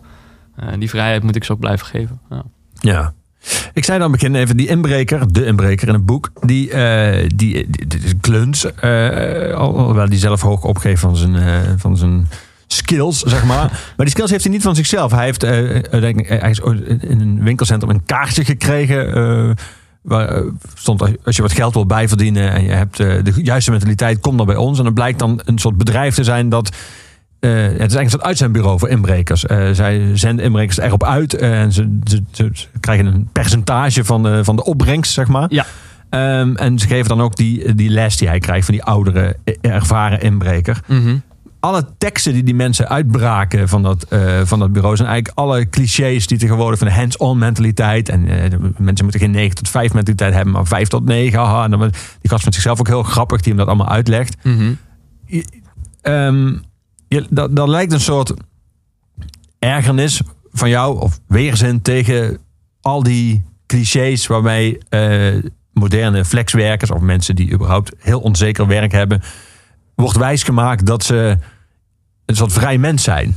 Eh, die mensen houden de inbreker ook voor van we zijn eigenlijk de uber van eh, het inbrekersgilde. En uiteindelijk Ja. krijgt hij daar ook letterlijk mee te maken. Bij Uber weten we allemaal, de chauffeurs van Uber die onder een rating komen van 4, eh, 4,8 sterren of zo. Die krijgen een soort gesprek. En als ze onder de 4,5 zijn, dan vliegen ze Uber uit. Hij krijgt even een, een, een, via de app bericht dat hij te weinig heeft ingebroken, te weinig heeft verdiend. Ja, En dat hij, dat, dat, dat het consequenties voor hem heeft. ja. Ja, dit is natuurlijk... eh, eh, ja, hoe dat, hoe dat inderdaad werkt. Zij, ehm, hij, hij werkt niet echt voor hun. Dus hij- het is inderdaad, zij zeggen tegen hem... jij bent, eh, jij bent eigen baas. Eh, maar dan blijkt uiteindelijk dat je... dat je toch niet helemaal eigen baas zijn. Omdat zij wel allerlei regels bepalen. En die lijken ze dan gewoon ook een beetje ter plekke te verzinnen. Kijk, ik kwam ook voort uit... ik wilde, ik wilde wel een inbreker, maar ik, zeg maar ik heb daar ook helemaal geen verstand van. Van inbreken. Ik heb dat nog nooit gedaan. Ik zou het ook echt niet durven. Ik ben daar echt te, te scheiterig voor. Eh, en misschien ook wel te... Hoe zeg je dat? Eerlijk. Ja, misschien ook wel. Dat kan ook. Ehm, maar eh, het leek mij leuk om dus een wereld te maken waarin inbreken net iets minder eh, illegaal is. Ja. Dus iets waar het net iets eh is legaler is. Ja. En, ehm, en, en je komt er ook niet helemaal achter of het nou echt legaler is. Of dat deze, dit uitzendbureau hem wijs maakt dat het, eh, dat het iets legaler is. Maar eh, ja, het was eigenlijk pas later tijdens het schrijven dat ik erachter kwam van... oh ja, volgens mij is het gewoon een soort Deliveroo-achtig bedrijf moet het zijn. Omdat het, dat, dat is ook hoe het nu gaat. En eh, ja, uiteindelijk zijn de- deze mensen maken hem eh, allerlei dingen, dingen wijs. En hij gaat allemaal maar een beetje... Weet je, het is niet dat hij echt graag inbreker wil zijn. Je weet, komt er ook niet precies achter waarom hij dat dan gaat doen. Dat weet hij zelf ook niet. Nee. Maar het is gewoon iemand die dan van het een in het andere rolt. En voor hij het weet zit hij inderdaad... wordt hij door een paar gasten achter zijn broek gezeten... omdat hij niet genoeg inbreekt. ja. Ja, Nu ben jij, jij bent, jij bent jonger dan ik. Eh, ik, ik heb nog, eh, ik, ik ken nog mensen met een vaste baan, zeg maar. Eh, ik heb Mhm. zelf ook, ooit nog een vaste baan gehad. Eh, eh, ik- heb jij ooit het idee gehad toen jij studeerde dat je ooit nog ergens een soort van in vaste dienst zou komen? Of is eigenlijk dit wat hij meemaakt, een soort van alles met flexwerk en alles met losse contractjes en alles een soort ZZP-baas? Is dat ook een beetje hoe jij dacht van dit is hoe mijn leven er later gaat uitzien? Nee, nee, maar ik denk wel. Ik, ik denk dat ik niet heel goed zou passen in een vaste baan. Zeg maar, dus ik heb, die, ik heb denk ook niet echt de ambitie gehad om ooit ergens in vaste dienst te komen. En misschien dat dat nog gaat gebeuren, maar eh, ja, ik, ik, voor mij, bij mij past het eigenlijk perfect dat ZZP bestaan. Omdat ik, eh, ik, ik wil eigenlijk zelf bepalen wat ik doe. Ik wil zelf bepalen hoeveel ik doe en hoe ik dat doe. Eh, ik vind het vervelend als mensen zich bemoeien met wat ik aan het doen ben. Dus, dus voor mij past dat allemaal heel goed. Maar het- Het grappige is dat jij nu eigenlijk alle kwalificatie voor ZZP gebruikt die die jongens hem ook voorhouden. Mhm. De werkelijkheid doe je natuurlijk ook niet alleen Ja. met jezelf. Maar ja, maar het probleem is één baas, maar heb je natuurlijk- dat tien. Ja. En, Maar het probleem is natuurlijk dat nu eh, een postbode of een koerier, eh, die, die het liefste dat werk, eh, of misschien niet, die willen niet eens eigenlijk dat werk doen, denk ik. Ehm, en eh, die willen, eh, die zouden ook liever een vaste baan willen. Dus er zijn met, met postbodes was het zo, die, die worden dan ZZP'ers eigen, eigen, eigen baas, zogenaamd. Maar ja, ondertussen zijn ze gewoon onverzekerd en, en betaalt zo'n bedrijf hun gewoon veel minder. Dus het probleem zit bij de mensen die dat niet willen en het gedwongen toch zijn. Eh, en die inderdaad eh, met, met allemaal lulverhalen eh, om de tuin geleid worden. Waarna ze dus wel onverzekerd, weet je, als een postbode een ongeluk krijgt, dan zit hij ook in de problemen. Maar ja, het is, het is, zoals ik al zei, zeg maar, ik kwam er op een gegeven moment gewoon achter van volgens mij is, want eerst vond het wel grappig dat jij het gilde zei, want volgens mij heb ik dat, dat, dat woord niet letterlijk gebruikt, maar in een eerdere, in een eerdere versie ging het wel over het inbrekersgilde, waar hij dan onderdeel van moest worden. Ehm, maar dit werkt op een of andere manier veel beter. Oh, ik denk gewoon omdat het dus een actueler, eh, actueler ding is. ja. Ehm, maar ja, het is, het, is, het is verschrikkelijk. Ik bedoel, voor, voor die mensen. En het is gewoon, eh, is gewoon een schande. Mensen moeten gewoon allemaal een contract krijgen. Eh, niet, niet die inbrekers, maar wel de, de couriers, eh, zeg Ja. maar. We gaan muziek draaien, Nederlandstalige muziek. Heel recent, eh, van het album Lotus, dat Ja. dit jaar verscheen. even de afgelopen weken. Schone Lei heet het nummer, is het openingsnummer. Wie is hij? Wie is Ares? Nou, ik dacht, ik moet niet alleen maar muziek meenemen uit mijn boek of dat over mijn boek gaat. Ik moet ook gewoon eh, muziek meenemen wat mij op dit moment eh bezighoudt. En eh, ja, Ares is een, is een rapper die op heel jonge leeftijd bij eh Top Notch kwam. Echt heel jong. Ik denk dat hij 16 was of zo, of 17. Enorm getalenteerd. Maar hij is inmiddels ook alweer weg bij Top Notch en regelt het nu allemaal independent. En ik vind, als je hem hoort praten dus over hoe hij dit soort dingen aanpakt. Echt een ongelooflijk slimme jongen met echt een eigen idee van hoe een artiest er bestaan eruit zou moeten zien. Dus hij, een van de problemen die hij bijvoorbeeld heeft, is dat hij maakt hip-hop. Hij, rapt. Ehm, maar ze kunnen hem bij Spotify bijvoorbeeld niet kwijt in de standaard rap playlists, omdat hij zo bij woordenschat of zo, omdat hij zo afwijkt van, van wat ze in die playlists zetten. Dus hij voelt op een heel concrete manier eh, hoe het is om, om, om echt een eigen route kiezen. Om echt te doen wat je zelf wil maken. Ja, dan kom je dus niet in die playlists. Ehm, en dat hij desondanks dus zo sterk zijn eigen visie bewaakt. Hij is ontzettend jong, is nog jonger dan ik. Eh, en op dit album, dat is dus inderdaad net uit... eh, hoor je ook gewoon dat hij ook over de wereld... op een heel eigen manier kan nadenken. En ik vind het gewoon wel gaaf dat... eh, je gewoon, ik, heb gewoon nog nooit iemand over deze dingen horen rappen in Nederlandse hip-hop. Je hoort dat straks in dat nummer, maar hij, hij heeft het over. eh ergens zitten ze meer plastic dan ijs in de zee. Eh, hij, hij heeft het eh, eigenlijk ook over, over dit soort dingen. Eigenlijk dus hij heeft het ook over de, de, de, de, de economie en de dingen die mensen je wijs maken. En het, het gaat soms bijna een beetje de, de zweverige kant op in zijn teksten. Maar ik vind het. Hij rapt ook gewoon ondermijn de macht. En dat vind ik gewoon. Die, die boodschap mist soms een beetje in, in, in, in Nederlandse hip-hop. Dit is gewoon een jongen. ooit begon met Fight the Power. Ja, precies. Maar eh, ja, ik bedoel, als je nu. eh, weet je, het is niet dat dat nog de boodschap is van, eh, van, van de hip-hop die je hoort. En dat dit dus een jongen is die zich. die dat zelf ook doet. Dus hij ondermijnt ook de macht. Door zijn eigen muziek te maken. Door niet te luisteren naar de algoritmes van Spotify. Door niet bij een label te zitten. Door gewoon zijn eigen dingen op te zetten. Ja, ik heb daar heel veel respect voor. Vind ik heel inspirerend.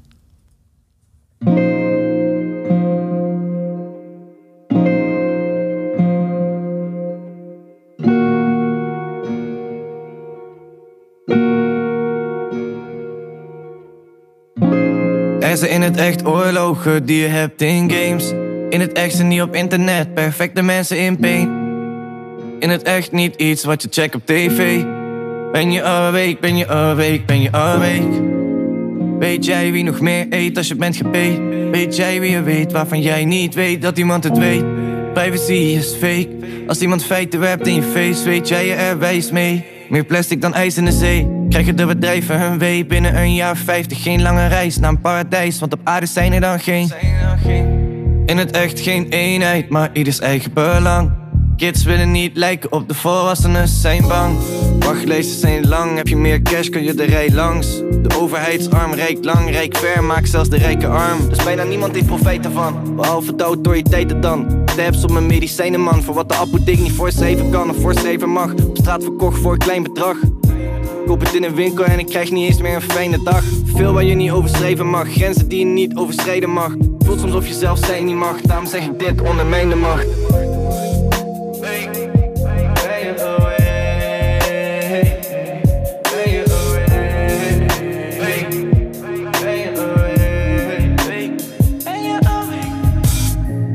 Begin het leven opnieuw, iedere ochtend. Beginnen met een schone lei. ey. Hopen dat het tabbel weg is in de ochtend. Ik raak de hoop nooit kwijt. Ey. Opdat ik wakker word en geen oorlog wordt gevochten. Leidt de vrede spijt. ey. Dat de wapens niet meer door ons worden bekostigd. Want liefde heeft geen prijs. Ey. Ben je de baas over je eigen mind? Of is er een baas over je mind? Vraag jezelf af en misschien word je net zo vrij zwij. Maar wanneer je beperkt blijft, ligt het vast niet aan mij. In een tijd waar niemand feiten omschrijft, maak het dat in feite voor mij het wijste tijdverdrijf. Mogen iedereen nooit vrij gaan zijn.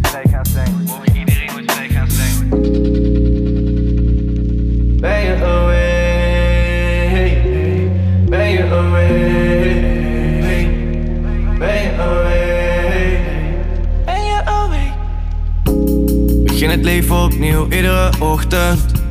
Begin met een schone lei. ey. Hopen dat de trabbel weg is in de ochtend. Ik raak de hoop nooit kwijt, nee. ey.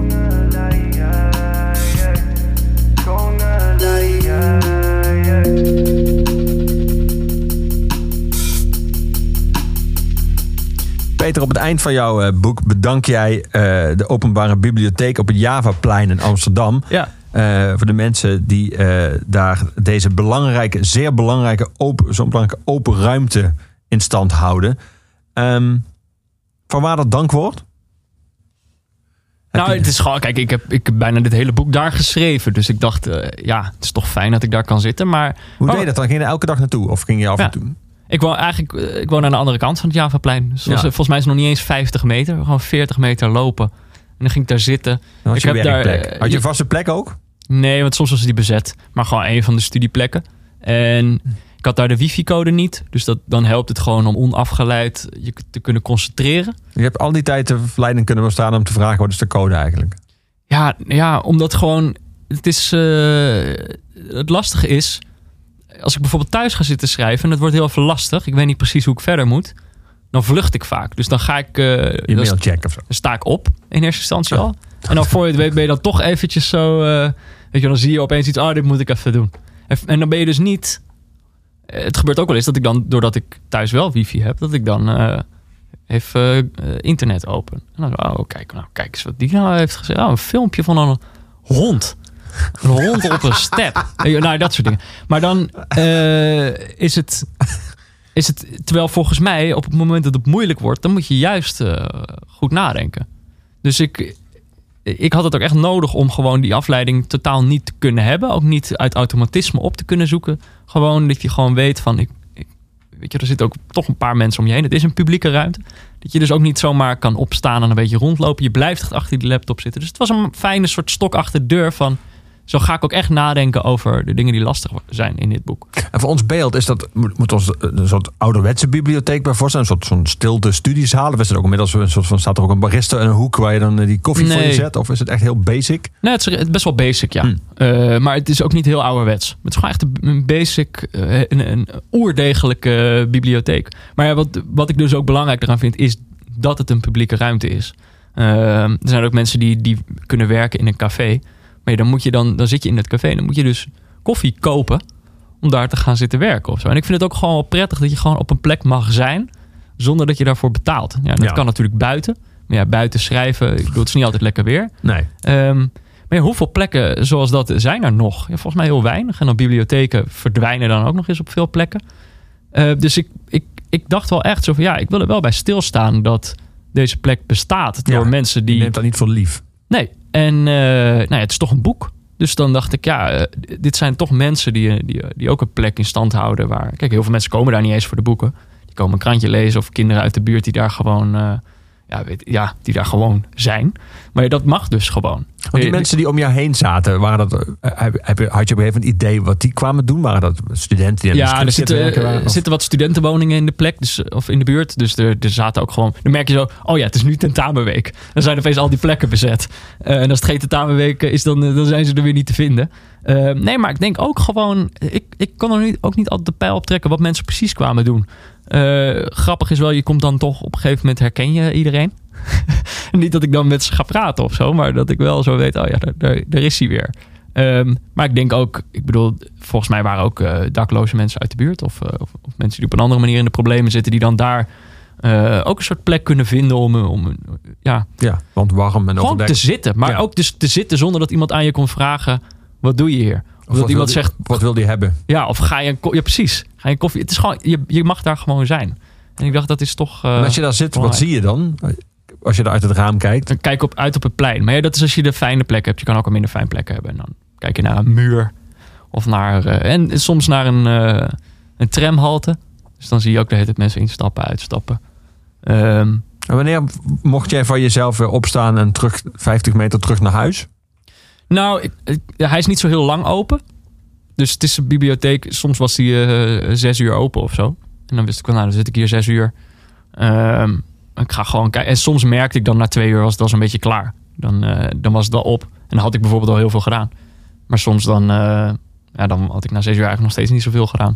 En dan, dan ga ik iets teleurgestelder naar huis. Maar dan probeer ik wel te bedenken van die, die zes uur dat ik heb zitten worstelen en niet veel vooruitgekomen ben. Ja, die, die, die zes uur hoef ik niet meer een andere dag eh, te worstelen, zeg maar. Ik heb die worsteling dan al gehad. En ja, Dat is wel zo'n mooie manier om erover na te denken. Terwijl waarschijnlijk ook als volgens zal Ja. zijn gekomen dat je de dag erna erachter komt dat de worsteling gewoon Ja. weer terug was. ja. Ja, maar kijk, dat is natuurlijk sowieso het ding. Het is het eerste boek dat ik heb geschreven. Dus ik moest er ook achter komen, hoe doe ik dat eigenlijk? En eh, dus zo heb ik het ook steeds geprobeerd te zien van... eh, wat werkt voor mij? Wat is fijn? En ja, die bibliotheek was voor, voor mij een plek die heel fijn was. Ja. Ben jij opgegroeid in een eh, huis, in een omgeving waar veel boeken stonden en waar lezen werd aangemoedigd? Of waar in ieder geval werd gedaan? Ja, wel. Mijn, mijn moeder leest heel veel. We hadden niet per se superveel boeken in huis. Wel, wel veel, maar niet, eh, niet echt boekenkasten vol of zo. Ehm, ja, mijn moeder las dus wel veel. Het werd wel aangemoedigd. Ik deed zelf ook heel graag als kind. Eh, maar het was niet... Nee, het was niet verplicht of zo. Dus, en het was ook eigenlijk zo... eh, ik ben uiteindelijk Nederlands gaan studeren toen ik, eh, toen ik 18 was. En heel, sommige mensen gaan dat doen omdat ze heel veel van lezen houden. En ja, bij mij, ik ben eigenlijk door die studie echt van lezen gaan houden. Dus Waarom ging jij dan die studie doen? nou, ik, had op, ik, had een, ehm, ik zat op een hele goede middelbare school eh, in Eindhoven, het Van Maarland Lyceum. Ik weet niet of ze nog steeds zo goed zijn als toen, maar daar zat een hele goede sectie Nederlands. die heel erg gericht was op schrijven en praten. Dus ehm, eh, betogen schrijven, beschouwingen schrijven. eh, poëzie, er was elk jaar een poëziewedstrijd waar ik ook altijd wel eh, aan meedeed. Ehm, en ik merkte daar gewoon, ik, ik, eh, ik was daar goed op mijn plek. En ik vond het leuk om dus dingen te schrijven. Ik vond het leuk om, eh, om, om een spreekbeurt te geven en dingen te vertellen. Eh, die docenten konden je ook heel goed helpen daarmee. eh, die deden dat ook op een leuke manier. Dus ik vond Nederlands was gewoon een van de leukste vakken. Dan dacht ik, ja, wat moet ik dan doen? Dan maar Nederlands. Eh, en eh, wat ik er wel fijn aan vond, was dat Nederlands is gewoon een, fijne, klassieke studie of zo. Heel veel Wat studies. Wat bedoel je met klassieke? Nou, in mijn omgeving gaan er uiteindelijk toch. eh, toen ik een studie moest kiezen, eh, zijn er ook gewoon veel mensen die een studie kiezen met het oog op baankans of zo. Die willen dan echt weten, wat kan ik worden? Dus bijvoorbeeld rechten, waarbij dat ook echt niet zo is. Maar dan hebben mensen nog het idee, ik kan advocaat worden als ik dat doe. Terwijl als je zegt, ik ga Nederlands doen, en dan zeggen mensen echt tegen je van, ja, maar wat word je dan? Terwijl dat was ook niet zozeer mijn zorg of zo. En ik vind het gewoon wel fijn. Ja, Neerlandicus, ja. Ja. Of eh, mensen denken dan vaak, leraar, nee, oh, word je dan leraar? Vind je dat leuk? Terwijl het is juist een, een, een studie, en die zijn er echt nog wel meer, maar eh, die, die, die krimpen wel en die, die zijn er steeds minder. Maar gewoon een studie waarbij je gewoon echt nog, eh, waarbij je dus niet, het is geen beroepsopleiding. Nee, je wordt gewoon het echt. doel van eh, de studie is de studie en Ja. het vak. en, en je leert dus gewoon echt goed nadenken over dingen die eh, economisch gezien eh, niet altijd op waarde worden geschat. In een, in een land waar, waar, waar, VVD, waar de VVD al jaren kabinetten, in kabinetten mag zitten. Ehm, namelijk gewoon, je leert gewoon echt goed na te denken over wat dingen betekenen. En eh, je leert verhalen begrijpen. Je leert, eh, ik bedoel, ja, ik heb nog dagelijks profijt van dat ik dat eh, heb gestudeerd. Weet je, niet alleen omdat ik een boek heb geschreven, maar ook omdat je goed leert nadenken over wat mensen eigenlijk zeggen. Ja, Eh, en, en wat het betekent. En ook gewoon wat, eh, wat Nederland betekent, wat de Nederlandse cultuur, wat dat betekent. Je leert daar gewoon wel. bedoel, en, ja, en die septis die hadden ook gelijk. Want je hebt geen vaste baan. nee, nee, dat klopt. Maar ja, dat is dus ook een beetje het ding. Ja, wat word je ermee? Ja, dus mensen komen op allerlei plekken terecht. Het is gewoon wel een studie waar, waar je in ieder geval een hoop skills leert die je op ontzettend veel plekken kunt leren. Weet je. Dus je kunt het echt wel op die manier, je kunt het wel op de economische manier uitleggen. Maar mensen willen toch gewoon weten, ja, wat Grappig wordt dat je, als wat je dat doet, dan? ga je meteen ook Engels praten. skills, vaardigheden. ja. We gaan naar Brockhampton luisteren. Die Ja. veel indruk maakte eh, op Lowlands. En terugkomen trouwens naar Nederland. Op 2 juni staan ze in 013 in Tilburg. Vlakbij, eh, nou, in ieder geval niet ver van eh, het Veldhoven waar jij bent opgegroeid. Nee. Ehm, waarom zij? En waarom dit nummer? 1998 Truman. Eh, ja, nou, ik had, ik had allemaal eh, liedjes van hun kunnen kiezen. Allemaal liedjes met hoofdletters. Ja, eh, vaak ook heel korte titels. Maar dit was inderdaad een 1998 Truman. Dus dan ook een verwijzing naar de Truman Show. Nou, dat vind ik wel, dat is een film die, die ook veel indruk eh, op mij heeft gemaakt. Ook natuurlijk een film die... die Nee, dan heeft Jim Carrey wel een belangrijke rol in haar leven. Die heeft natuurlijk eh, Kaufman gespeeld ook nog. Ja, ja, oh, ja zeker. Eh, ja, maar dat is wel een andere Kaufman, hè? Maar hij heeft wel weer in een film van Charlie Kaufman. Precies, ja. maar, ja, precies. Ehm, maar Brockhampton, Ja. dat is een groep jonge jongens. Ik denk ongeveer vergelijkbare leeftijd als Aris, die we net hoorden. Het verhaal is steeds dat zij elkaar hebben leren kennen op een Kanye West forum. En dat ze zo als groep bij elkaar zijn gekomen. Eh, maar het is Het is echt te mooi om dood te checken, dat verhaal. ja, ja, precies. Dat moeten we dan ook echt niet doen. Nou, 2017 waren ze er opeens dan met, met een drietal eh, albums die, die echt gewoon voor mij volledig eh, nieuwe energie hadden.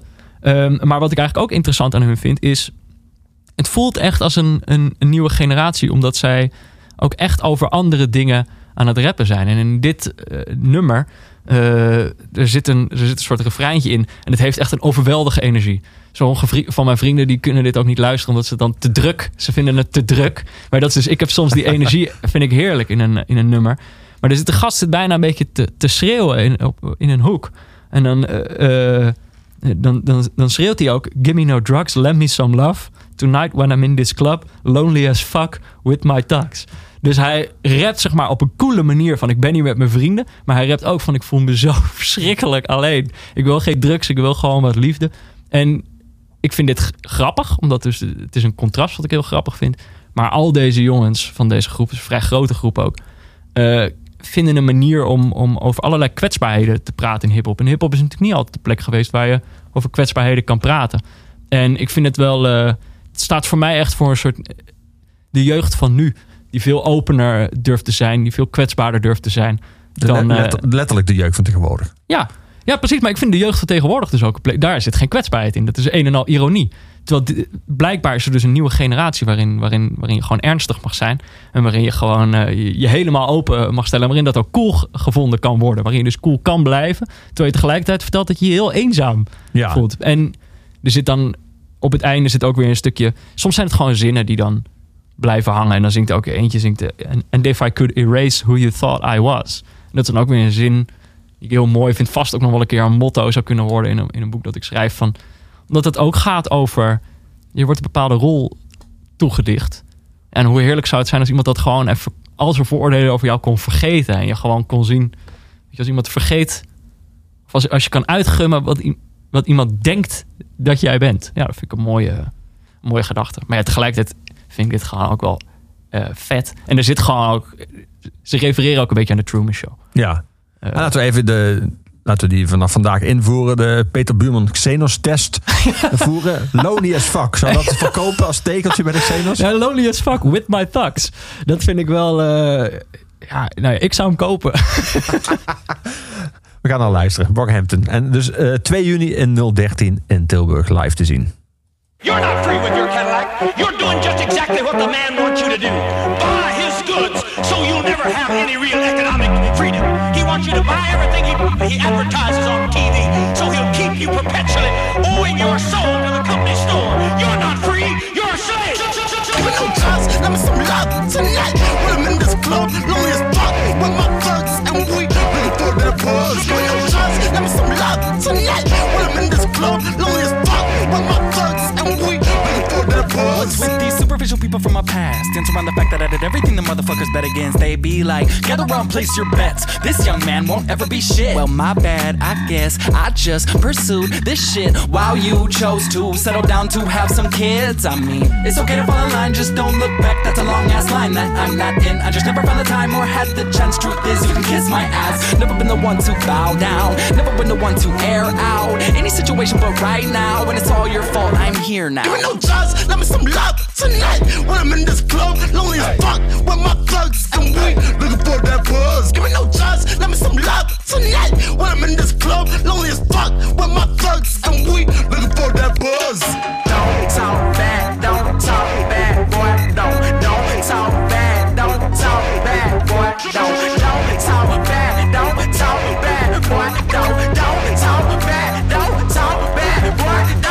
like a 500, this cat, I move it, I move it like Madagascar. Flip it like a to inside her nose to get raw. Bloody lip, call it like foul. When you would call it, they said I'll be nothing when suck on my dick and then lick on my foul. They try to pin me down, they try to rob me, and they try to kill me like Anna Nicole. If they wanna boot in my car, pussy boy like booty car. Money quit like Ashanel, look what we did in a year. You need a neutral career. I hate on myself when I look in the mirror.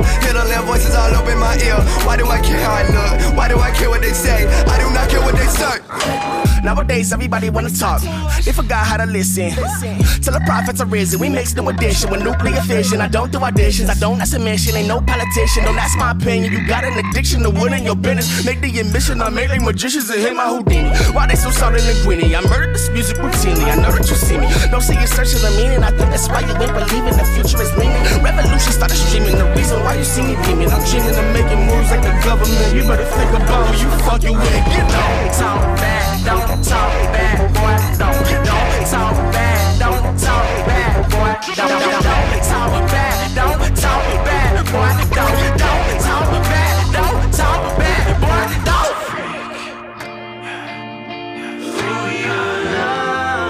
You come as close to me. Yeah, yeah, yeah. Be with me now that you're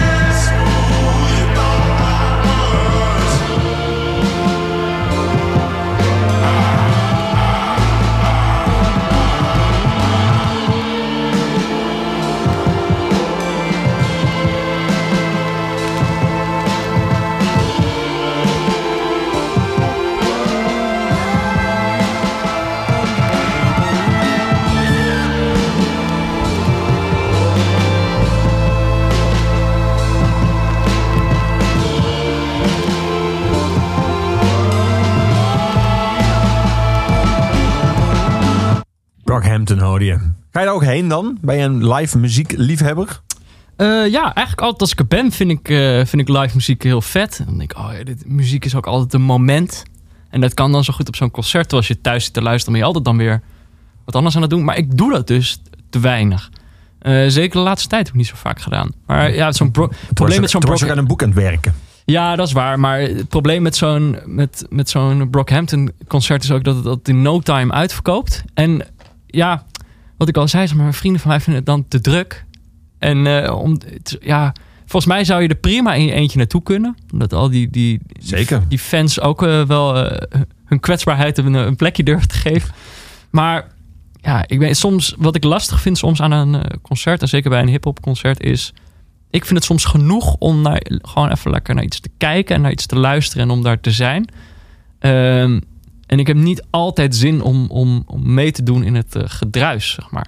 Maar dit wordt, wordt je niet op, in iedere ruimte even makkelijk gemaakt om gewoon lekker even te kijken en te luisteren. Soms voel je je dan bijna een soort ouder aan de rand van een schoolfeest of zo. Ehm, maar ja, ik moet, het, ik moet het vaker doen. Ik, vind, ik, ik kan live heel erg geraakt eh, worden door muziek altijd. En op een of andere manier kan dat live. Ja. Ja. We gaan naar iemand luisteren, heet Laurens Collet. Mhm. Eh, het nummer heet Welke Woorden. Dat is het titelnummer eh, van een album dat ook eh, zeer recent verscheen. Namelijk nog geen drie weken geleden. Ehm, Nou ja, het is een single. Dus ik denk dat het daarom zo heet. Maar dit is inderdaad... Laurens is een, is, een, is een vriend van me. Een hele goede muzikant. Ehm, en ik had hem voor mijn boekpresentatie... had ik gevraagd... eigenlijk, kijk, dit boek gaat over allerlei dingen die je niet kan uitleggen. Met woorden. Eh, Een beetje tegen, tegenstrijdig, maar eh, gewoon dingen waar ik tegenaan liep van ik kan dit eigenlijk niet zeggen. Ehm, en toen dacht ik in eerste instantie, dacht ik, oh, leuk op de boekpresentatie als, als ik dan niet een stukje voorlees, maar als dan een danser komt om met interpretatieve dans eh, dit hoofdstuk te, doen. Maar dat was een soort grap die ik had bedacht. En, maar ja, ik kende eigenlijk heel weinig dansers, dus dat lukte ook niet. Ehm, maar muziek, zoals ik al zei, kan dat dus voor mij wel. Die, die kan je direct iets laten voelen zonder eh, het aan je uit te leggen. En, eh, en ik had meteen het gevoel dat Laurens dat goed zou kunnen. Dus ik had hem gevraagd van, wil je dit boek lezen? En zou je er dan een liedje bij willen schrijven?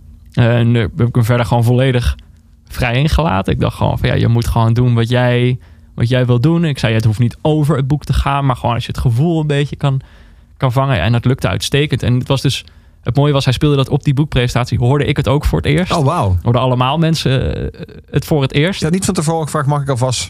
Kon je dat bedwingen?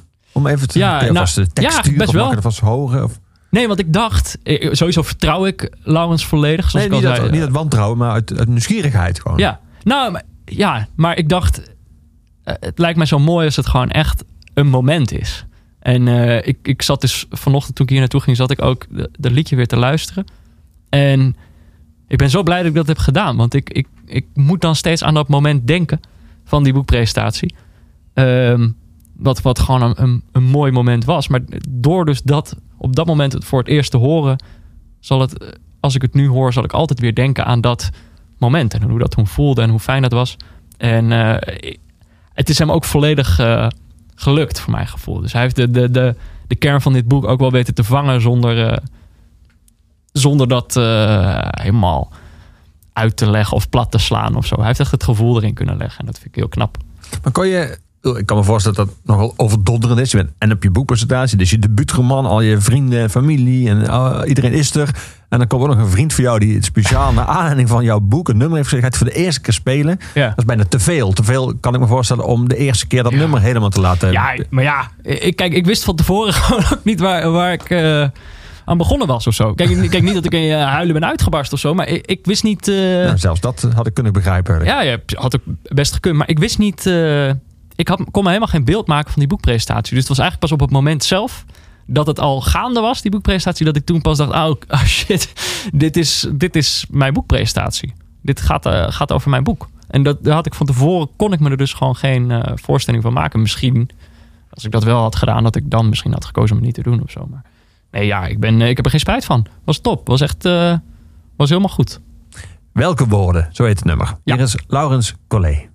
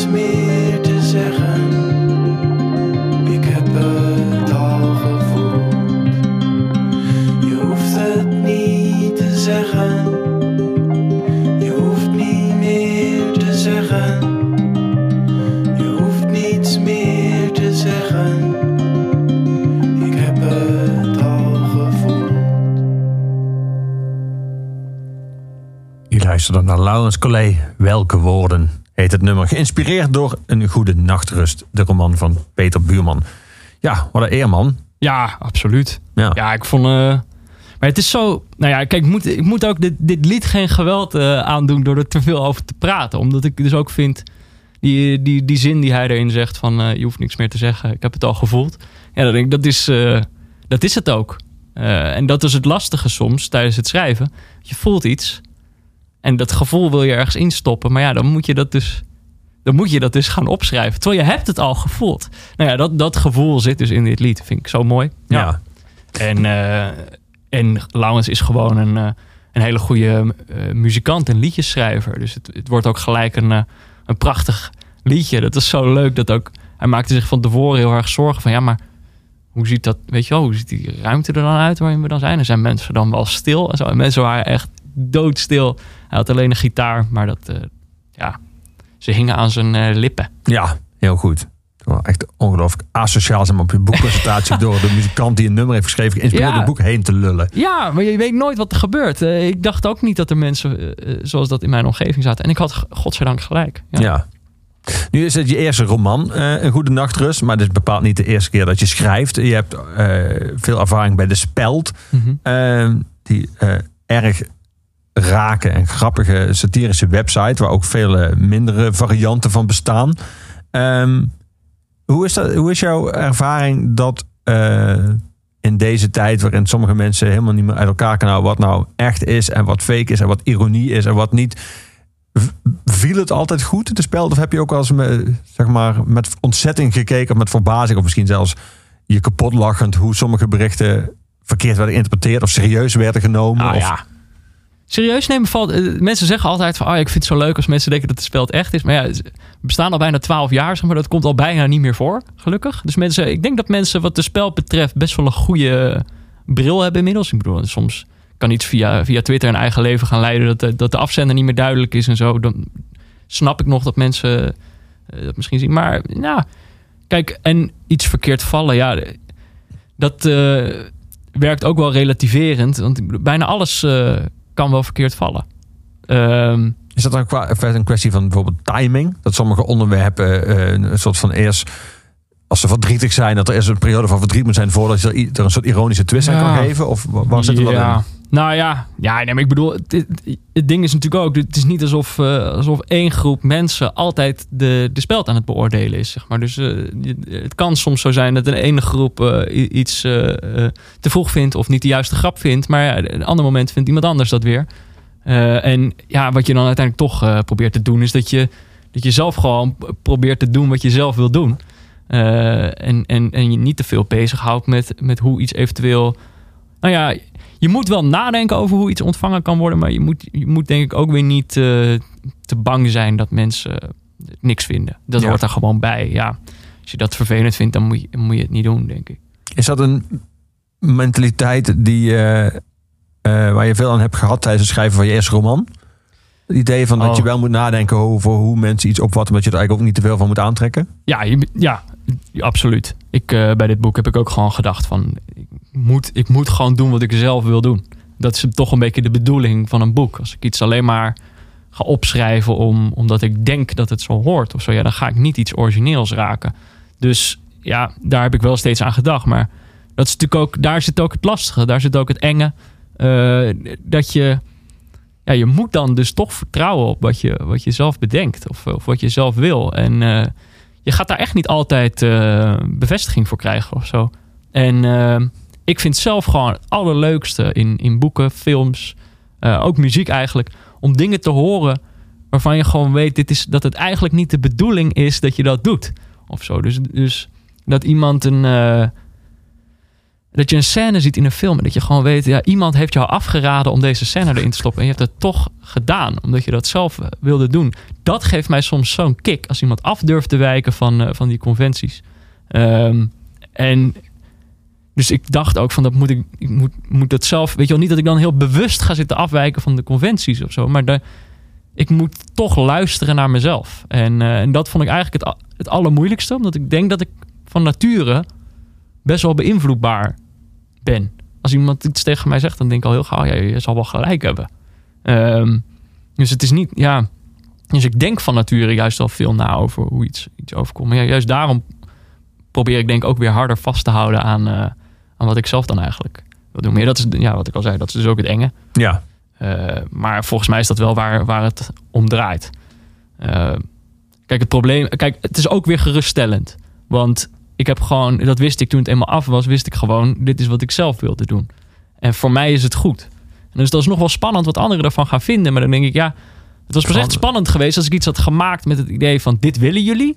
En als mensen het dan niet willen, ja, wat is, wat is er dan nog over? Dan is er helemaal niks over. Terwijl nu wist ik gewoon, als niemand dit had gewild, dan was het in ieder geval nog mijn ding geweest. Ja. Eh, dus het is ook weer geruststellend. Ja. Hoe was dat bij die moppen vroeger die jij je zus vertelde? Vond je die zelf wel in ieder geval heel leuk? Ja, dat, dat, dat zijn je- mijn zusters ook. Of was ja. het wat jij dacht dat je zus wilde horen? Nee, mijn zus zei ook, oh joh, eh, jij had er zelf zoveel plezier in. Daar zat natuurlijk ook deel van de, van de lol, denk ik ook wel in. Ja. Daarom moest ze misschien ook wel lachen, omdat ik, er zelf, omdat ik het zelf zo leuk vond. Ja, ja ik weet niet, het is... ehm, ik kan tegelijkertijd ook gewoon niet anders. Hè? Dus het is ook een beetje van ja, ik kan nu doen alsof dat iets is wat ik bedacht heb of zo. Maar dat is ook gewoon mijn natuur om het op die manier te doen. Ja. En eh, ik denk wel dat, terug te komen op je vraag, ik denk wel dat het geholpen heeft om bij de speld een beetje te, te voelen wat het betekent. Om, eh, om eh, als je stuk door, door mensen gelezen wordt en door, zeker aan het begin, toen ik er net bij zat, was ik heel gevoelig voor als mensen zeiden van, oh, we nou... is weer een grap van niks. Die zal wel weer van... eh, oh, de stagiair moet weer een stukje schrijven of zo. Weet je wel? Dan, toen raakte me dat nog heel erg. Maar ja, na een paar honderd stukken... dan ben je wel een beetje afgestompt of zo. En dan eh, merk je gewoon van... ja, ik vind het allerleukste gewoon een grap maken die ik zelf leuk vind. En eh, ja, ik denk wel dat, dat dat dus de kern is van wat je, wat je doet. Ja. Dankjewel Peter dat Ja. jij was. Vandaag in Oeverloos. Een goede nachtrust, zo heet jouw roman. eh, bij Das Mag uitgekomen. Ligt nu in iedere zichzelf respecterende boekhandel. En natuurlijk ook bij die bibliotheek. Nou, waar je, Ik, ik ga wel mijn best doen. Ze zeggen altijd, het ligt in de betere boekhandel. Maar ik wil me er ook hard voor maken dat het in de iets minder goede boekhandel... daar ook aan te liggen. ja, dankjewel Peter. Geen dank. Ehm, Oeverloos. Iedere week te luisteren via al je streamingplatforms en je streamingkanalen. En natuurlijk ook via de Kink-app en de Kink-site. De muziekgieterij in Maastricht maakte deze uitzending mogelijk. Volgende week in Oeverloos schrijver Thomas Heerma van Vos. Oh, leuk.